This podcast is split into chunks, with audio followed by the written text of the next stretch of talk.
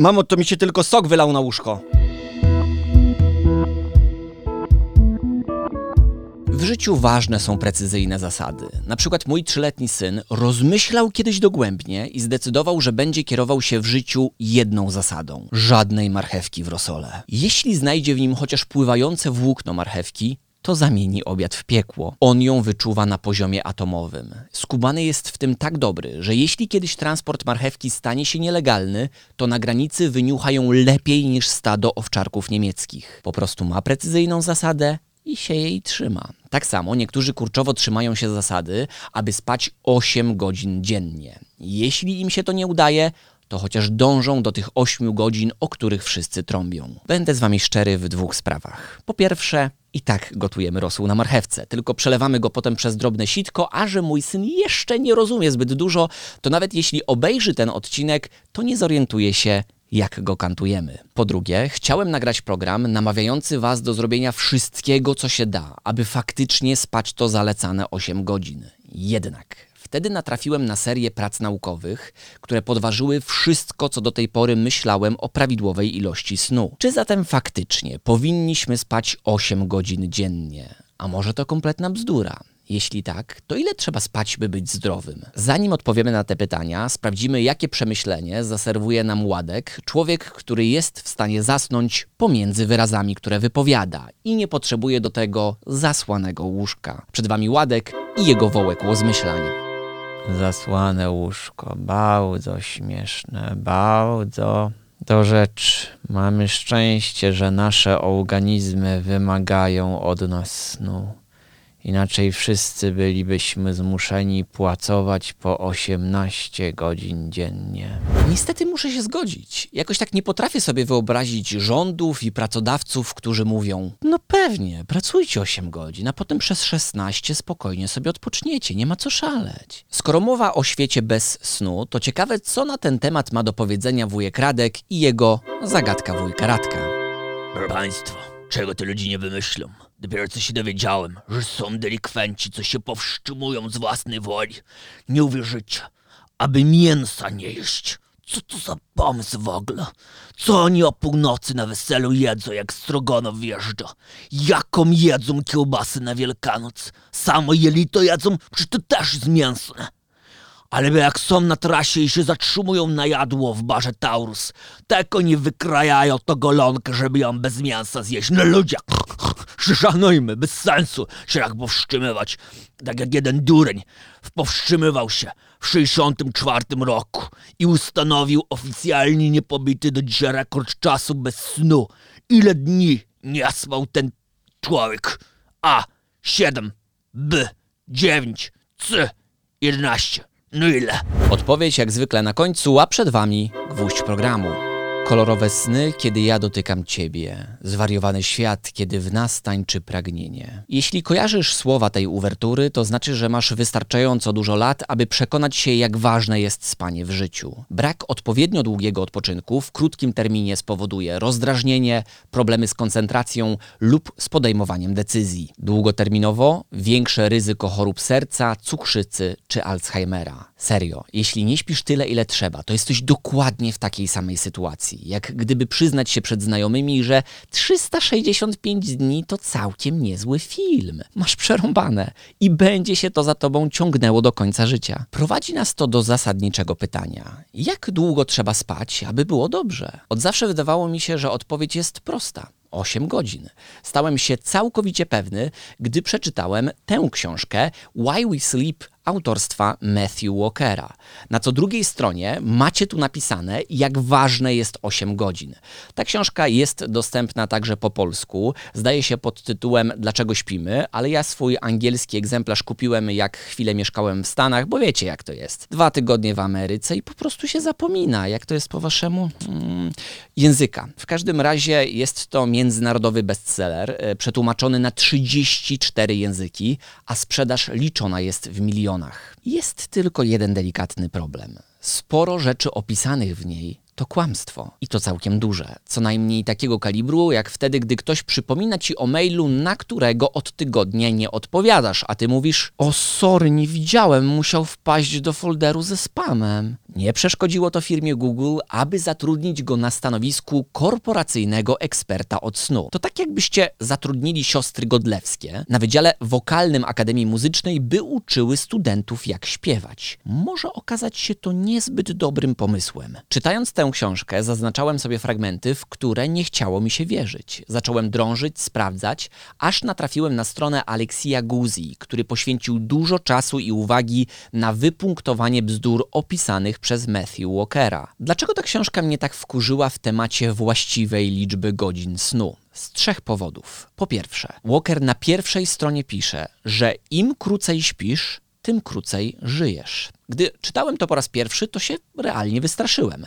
Komu z nas nie zdarza się spać krócej niż 8 godzin, niech pierwszy rzuci kamień? No dalej, odważnie. Spokojnie w ekran można rzucić z całej epy. No właśnie, w tym problem, bo bardzo dużo osób przez tygodnie, miesiące i lata nie przesypia 8 godzin w ciągu dnia. Czy zatem naprawdę będą żyły krócej? Zdaniem Walkera tak, zdaniem poważnych naukowców niekoniecznie. Nie ma żadnych konkretnych dowodów, które by przesądzały, że jeśli wysypiasz się po przespaniu 5, 6 czy 7 godzin dziennie, to coś złego ci się stanie. Z drugiej strony, jeśli śpisz naprawdę długo, 9, 10, 11 czy 12 godzin dziennie, to wcale nie oznacza, że będziesz żyć dłużej. Może być dokładnie odwrotnie. Za długi sen często jest oznaką poważnych problemów. Szeroko zakrojone badanie z 2010 roku pokazało, że jeśli jeśli śpisz dłużej niż 10 godzin dziennie, a i tak budzisz się ze zmęczeniem, to możesz mieć jakąś ukrytą chorobę, z którą organizm no, jakoś próbuje sobie poradzić za sprawą dłuższego snu. Gdy sprawdzono, jaka jest średnia długość życia ludzi śpiących od 4 do 9 godzin na dobę, to różnice pomiędzy tymi grupami były minimalne, a nawet pokazywały, że jeśli spędzasz w łóżku mniej czasu, to masz szansę żyć dłużej. Jednak za chwilę może się okazać, że takie badania porównawcze nie wnoszą zbyt dużo do sprawy. Dlaczego? Posłuchajcie najpierw drugiego argumentu Walkera. Już w drugim akapicie książki autor pisze zdanie, które zostało powtórzone tysiące razy w prasie, w internecie czy w telewizji. Brzmi ono następująco: Jeśli śpisz krócej niż 6-7 godzin dziennie, to demolujesz swój system odpornościowy i podwajasz ryzyko raka. Gdyby ktoś mi powiedział, e Radek, wiesz, że jeśli wieszasz papier toaletowy tak, że zwisa on listkami z przodu, to jesteś statystycznie 37 razy bardziej inteligentni niż ci, którzy wieszają papier listkami do tyłu. Wiesz o tym, nie? To odpowiedziałbym, wow, nie wiedziałem. A jest jakieś badanie naukowe, które to udowadnia?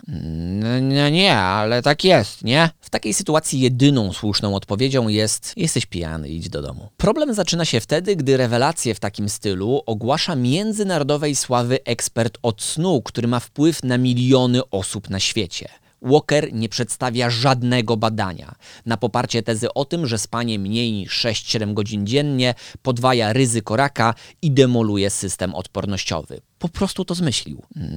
No, nie, ale tak jest, nie? Istnieje praca naukowa, którą można zacytować przy okazji tej sprawy. To ogromna analiza z 2018 roku, na którą składało się ponad 1,5 miliona badanych i 86 tysięcy przypadków raka. Sprawdzano tam długość snu osób zdrowych i chorych na nowotwory. Co z tego wyszło? Krótszy sen w żaden sposób nie wiąże się ze zwiększonym ryzykiem raka. Poza tym, nawet jeśli okazałoby się, chociaż tak tak nie było, że osoby, które śpią 5 godzin na dobę, mają więcej zachorowań na raka niż na przykład ci, którzy śpią, nie wiem, 8 godzin, to wcale nie oznaczałoby to, że krótszy sen daje raka w podobnej skali jak materiały niektórych polskich youtuberów. To jest właśnie problem badań porównawczych. Poważni naukowcy powiedzieliby, że statystyczna korelacja pomiędzy dwoma zmiennymi nie oznacza przyczynowości. Teraz po polsku. To, że dwa wykresy wyglądają podobnie do siebie, nie oznacza, że istnieje jakikolwiek związek pomiędzy nimi. Przykład. Weźmy wykres liczby filmów, w których wystąpił Nicolas Cage na przestrzeni lat.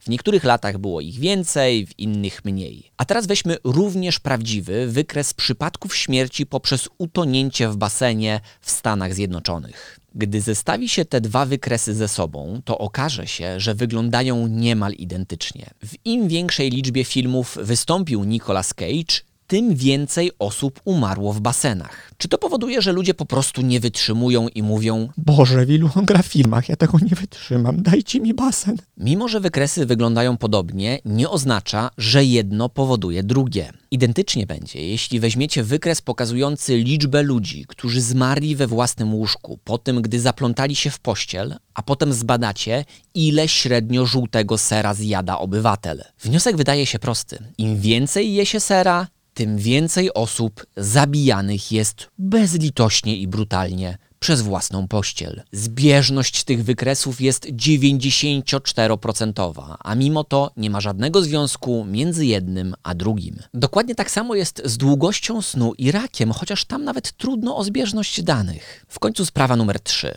Walker twierdzi, że Światowa Organizacja Zdrowia ogłosiła międzynarodową pandemię bezsenności. Wow! To brzmi poważnie, bo nie wiem jak wy, ale ja akurat tej organizacji ufam bardziej niż polskim celebrytom, którzy wypowiadają się na temat zdrowia. Może jestem głupi, ale jakoś tak mam. Jakże was zaskoczę, jeśli powiem, że nigdy, ale to absolutnie nigdy, WHO nie oznajmiło pandemii bezsenności. Tak naprawdę, gdy przyjrzymy się danym z wielu krajów, to okaże się, że śpi się tam dłużej niż kiedyś. Weźmy tylko Wielką Brytanię, gdzie od 1970 roku ludzie śpią średnio dłużej o 43 minuty dziennie. Dlaczego? Bo chodzą spać nieco wcześniej i wstają trochę później. No można. Jaki jest efekt tych i innych bzdur opisanych przez Matthew Walkera? Po przeczytaniu tej książki zostajesz z myślą, że jeśli nie śpisz 8 godzin dziennie, to pojutrze, no już bardzo szybko, zakończysz swoje życie w trakcie ataku serca, udaru, raka, Alzheimera i mazurskiej nocy kabaretowej jednocześnie. Pamiętam jak w trakcie czytania nakręcałem się i chodziłem spać z zegarkiem w ręku. Jeśli wiedziałem, że mam mniej niż 8 godzin snu, to zasypiałem z myślą, że się nie wyśpię. Moja żona zresztą się ze mnie śmiała i mówiła, uuu, te zakola to ty masz coraz większe. A w temacie snu mówiła, że pierwszą rzeczą, którą robię po przebudzeniu, to sprawdzenie zegarka, aby policzyć, czy spałem wymaganą liczbę godzin. Dopiero wtedy decydowałem, czy się wyspałem, czy nie. To tak jakby sprawdzić pogodę w telefonie przed decyzją, czy ubrać kurtkę, czy nie, zamiast po prostu otworzyć okno. Serio tak robiłem. Ja propos kurtki też tak robię. Nie ma ludzi doskonałych, którzy wiedzą jak żyć. No, poza Jarosławem Kaczyńskim. Wkrótce okazało się, że nie tylko ja mam paranoję związaną z wymaganą liczbą godzin snu. Do wspomnianego Alexia, który rozprawił się koncertowo z książką Walkera, napisało wiele osób, takich jak Martin Reed, pracujący na co dzień z bezsennością swoich pacjentów. Z jego doświadczeń wynika, że sporo osób, które wcześniej dobrze spało i funkcjonowało, gdy przeczytało książkę Walkera, przestraszyło się, że nie śpi wystarczająco długo. Zaczęli mieć problemy z zasypianiem, pojawiły się u nich nerwice i w końcu, uwaga, bezsenność, bo próbowali wymusić na sobie 8 godzin, chociaż wcale tego nie potrzebowali. Do jakiego nas to prowadzi wniosku? Nie ma czegoś takiego jak konkretna i zalecana liczba godzin snu. Możemy jedynie przypuszczać, że od 4-5 godzin dziennie do 8-9 jest w porządku, ale nie mamy pewności, bo gdybyśmy mieli, to Nicolas Cage musiałby przestać kręcić filmy, po to, by zahamować falę, utonić w basenach. Po prostu nie można spać z zegarkiem w ręku. Poza tym ważna jest nie tyle długość snu, co jego jakość. Jeśli idziesz spać naładowany emocjami, bo nie wiem, przed chwilą wasz team prawie wygrał w Call of Duty Warzone, to twój sen będzie wyglądał inaczej niż wtedy, gdy wcześniej przeczytasz parę stron, na przykład z Nadniemnem.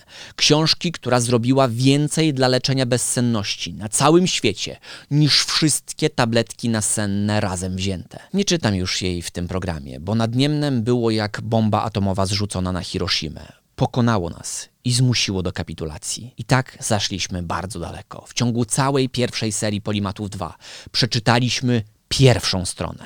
To kilkukrotnie więcej niż statystyczny Polak. Na pocieszenie zdradzę wam zakończenie. Przyroda nadal będzie miała pozór półobręczy złotej, przepasanej jak purpurową wstęgą tkwiącą w niej warstwą czerwonego marglu. Boże, naprawdę długo wytrzymaliśmy. O tym, jak ważna jest jakość snu, przekonują nas osoby starsze. Powszechnie uważa się, że z wiekiem potrzebujemy spać coraz krócej. To kompletna bzdura, z którą, przyznaję uczciwie, także Walker całkiem nieźle się rozprawia w swojej książce. Dziadkowie potrzebują tyle samo snu, jak wtedy, gdy mieli 30 lat. Niestety nie idzie im to łatwo. Przeszkadza im degradowanie się układu nerwowego, przeróżne choroby czy leki, które muszą łykać. Dlatego osoby starsze nie różnią się za bardzo od standardowego DJ-a. Są zmęczone w ciągu dnia, bo niezbyt dobrze przespały noc. Z tego powodu częściej zdarzają im się drzemki w ciągu dnia, ponieważ muszą to jakoś nadrobić. Co zatem możesz zrobić dla siebie? Poświęcić czas i uwagę na to, by zbadać, ile tak naprawdę potrzebujesz snu. Można to całkiem łatwo przetestować. Dr Neil Stanley twierdzi, że jeśli jesteś w stanie wytrzymać do popołudnia bez przysypiania i we względnym skupieniu, to raczej śpisz tyle, ile trzeba. Jeśli nie, to musisz drążyć dalej. Może trzeba wydłużyć sen o pół godziny, na przykład wcześniej chodząc spać.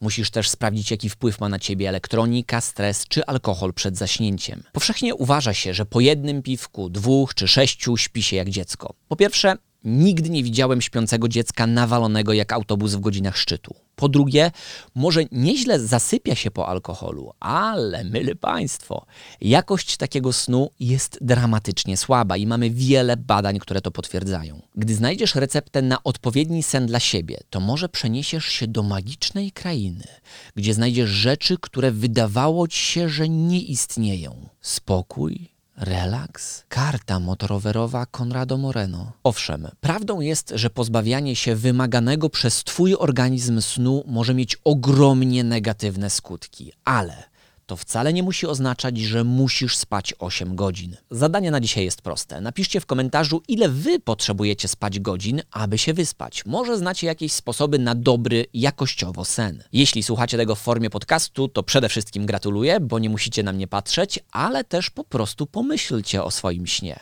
Tymczasem dziękuję Wam za dzisiaj i dobranoc. Moi drodzy, została nam jeszcze prawidłowa odpowiedź na zagadkę wujka Radka, tym razem to C. Aż 11 godzin i 25 minut nie spał rekordzista Randy Gardner. Po jego wyczynie oficjalnie zakazano bicia tego rekordu, a sam Gardner przepłacił to ogromnymi problemami ze zdrowiem. Żadnych problemów nie będzie, obiecuję. Jeśli pod tym podcastem. Klikniesz łapkę w górę, jeśli masz taką możliwość, skomentujesz go lub zasubskrybujesz Polimaty 2 w formie podcastu. Te aktywności naprawdę mają znaczenie, bardzo za nie dziękuję. I jednocześnie przypominam, że całkiem dobrym sposobem na spędzenie czasu w trakcie przymusowej izolacji jest przeczytanie i zastosowanie w praktyce mojej książki Włam się do mózgu, która pokazuje, jakich dobrych metod powinniśmy użyć, aby lepiej zapamiętywać przeróżne informacje. Można ją kupić wyłącznie w internecie, najlepiej pod adresem radek.altenberg.pl, a więc miłej lektury. Mam nadzieję, że ona nie stanie się źródłem snu, a innych dobrych rzeczy. Do usłyszenia.